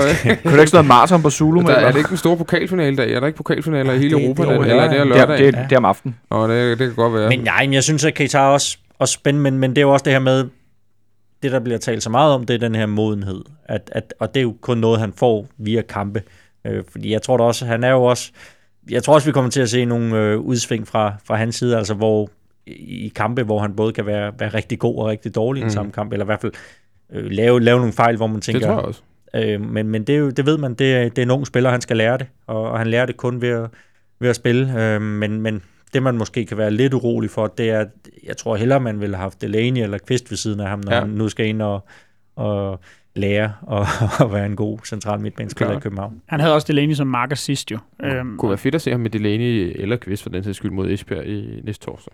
ja, absolut. Det gad jeg godt. Øhm, jamen, og- det, altså, det vil heller ikke overraske mig vildt meget, tror jeg, hvis han, hvis han altså, fik i hvert fald spilletid i begge de kampe. Det tror jeg, han gør. Spørgsmålet er, om det så bliver fra start i begge to. Ikke? Vi skal lige have et øh, traditionsord, et, et bud på, på resultatet. Den er lidt svær, den her, synes jeg, fordi i Hobro, vi har ikke brugt et sekund på at snakke om, men ja, altså, så meget er der sgu heller ikke at snakke om. Det er jo et hold, som også øh, er gået på ferie. De er dog begyndt at ligne en fodboldhold her de sidste par uger, efter at have været fuldstændig katastrofale i starten af, af foråret. Hvad, Jonas, hvis du skal give et bud på, hvad, hvad den ender på søndag? Nu spillede jeg 0-4 sidst. Eller 4-0 til os selvfølgelig mod, Ja. mod Nordsjælland. Ja. Det var jeg langt forbi. Til gengæld så sagde jeg meget tidligt på dagen til flere mennesker, at jeg var sikker på, at Santander ville score mindst to. Okay, Og det viste sig over at være... Øh, det var rigtigt. ja, det kan jeg godt lide klart, men nu reklamerer jeg lidt. Ja, det kan jeg godt Ananasen, den kører her. Er I klar? Nej. Øh, jeg tror, at vi øh, vinder 1-0. Okay. Og det bliver øh, mest spændende at kigge på de der spillere, vi har talt om, men jeg tror ikke, det bliver nogen øh, særlig interessant fodboldkamp. Og Jeg hvem, håber, scorer, solen hvem scorer? Hvem scorer så? Jamen, Og i det, hvilket minut? Og hvordan? øh, men, men numsen, øh, nej, øh, jeg tror, at øh, faktisk det bliver en af de der lidt skæve spillere. Det kunne godt være Amankwa eller Baskem, der scorer. okay. Benjamin, hvad siger du? Vi, øh, vi spiller 1-1, fordi at øh, Hobro er, øh, er, er, ser ud til at være begyndt at... Og det har sluppet lidt en byrde næsten, at de, øh, at de er rykket ned, og vi har ingenting at spille for. Og så, øh, så scorer øh, Andreas Cornelius langt om længe. Okay. Det, kunne faktisk, det under jeg faktisk, det må jeg sige. Det vil jeg gerne have, have han gjorde. Jamen, jeg er lidt uenig i det der med ikke at have noget at spille for, fordi jeg, jeg tænkte lidt på øh, Ariel-sæsonen, det bliver Ja. mestre, hvor, hvor I går meget, meget tidligt på ferie, og der tager man ligesom det med over i den nye sæson, så jeg tror i hvert fald, man er i hvert fald bevidst om ligesom at holde det her med, at, at vi er et vinderhold, og vi skal altså ikke til Hobro og tabe. Altså, så på den måde, men, men det er da klart, at der er ikke øh, det samme spændingsniveau, men jeg tror alligevel på en, en professionel indsats og, og 2-0. 2-0? Ja. Jeg tror også, vi vinder 1-0. Jeg tror, det bliver... Ja, det bliver en 1-0. Der er ikke så meget at sige der. Vi vinder 1-0. Men det er meget det der med, hvor meget holder man aksen midt på holdet, som vi har talt rigtig meget om i løbet af foråret. Altså fordi når aksen er der bare med en i hver af de centrale, det behøver ikke være begge to, så... Øh, Og jamen, nu er de så alle sammen væk, stort set. Ja, men det, og det er jo det. Så derfor tror jeg at faktisk, undskyld, jeg lige vender tilbage, så tror jeg, jeg er ret sikker på, at Nikolaj starter ind, fordi så holder vi aksen offensivt. Ja, okay. Det, det er en god pointe. Gisle, her til sidst. Vi har fået et par spørgsmål. Øh, om du ikke kunne hive fat i nakken på, på ham, der skrev overskriften om øh, med Federico Santander. Jo, det var ikke mig. Nej, det ved jeg godt. Det er derfor, skal hive fat, det er derfor, Ja, skal hive var- fat i nakken helt- på ham. Jo, jo, jo. Altså fra flop til... Jeg kan ikke engang huske, hvad Fra flop til. Det var, der gik lidt for meget F i den, tror jeg. Ja. Det var sådan en, jo jo, men det skal jeg nok. Altså, det må du skulle love. Det, det, det gør jeg. Jeg har ikke kaldt Jeg ham, ved godt, at... jeg har ikke kaldt ham noget flop. Nej, jeg har, jeg jeg, jeg, har ikke diskuteret hans, hans mål rigtig meget. Det altså, det her med, at han ikke scorede så meget i starten, og, og selvfølgelig skriver vi om det, men, men som alle andre har jeg også godt kunnet se, at, at der var noget i ham. Ja. Øh, men, men det er også, det er jo klart, altså en, en mand, du henter til 20 millioner, der har du også en vis forventning om, at, at han scorer nogle mål. Det er han så kommet til, og, og det har I snakket en hel masse om Mm. herinde, og, og jeg tror da også, han bliver ved. Det, det håber jeg meget på. Det tror jeg, jeg, jeg tager fat i nakken, giver ham en, en eller- til orden. ja, du må aldrig mere skrive. Det er sådan noget flop, det må vi gemme til øh, Papa Djuferne og, øh, og hvad vi ellers har hentet. Mustafa Abdelaverne. Og, ja, og, og Musis og sådan noget. Den, der, der kan jeg købe ja, det er jo kunder. Men skulle ikke... øh, Men, Men skulle du ikke ved vores, også, øh, på, på tabloidmeter, der findes flop i flere sådan varianter. Ja, Ja, ja. ja. Mega flop og okay. kæmpe flop. Ja, ja, ja, jeg og, godt, her er vi jo i den Fantastisk flop. flop-skalaen. Sensationsflop. ja, sensationsflop. Og du, du vidste ikke, klik her. Se, se hvem der floppede. Så få mål scorede han engang. Ja, ikke? Altså, lige, Lige præcis. netop, altså. Ja, så, sådan er det. Ja, Vi har en stor fremtid. ja, jeg kan godt høre det. Gisle, det, det, er, det er fantastisk. I tre, I skal have tak, fordi øh, I slog øh, smut forbi studiet her og fik uh, talt os lidt op til, til på søndag, når vi skal møde øh, Hobro. Og vi skal sige tak til Henrik Monson, der sidder og styrer teknik med hård hånd. Mit navn det er Christian Willings. Vi er tilbage igen på mandag, hvor vi uh, selvfølgelig snakker lidt uh, Hobro nedtagt. Altså hvem ved, måske der er sket noget til, til den tid, der er værd at tale om i den FC Københavnske univers. Det kunne jo godt ske, sådan plejer det at være. Indtil da må I have det rigtig, rigtig godt derude, og en dejlig weekend.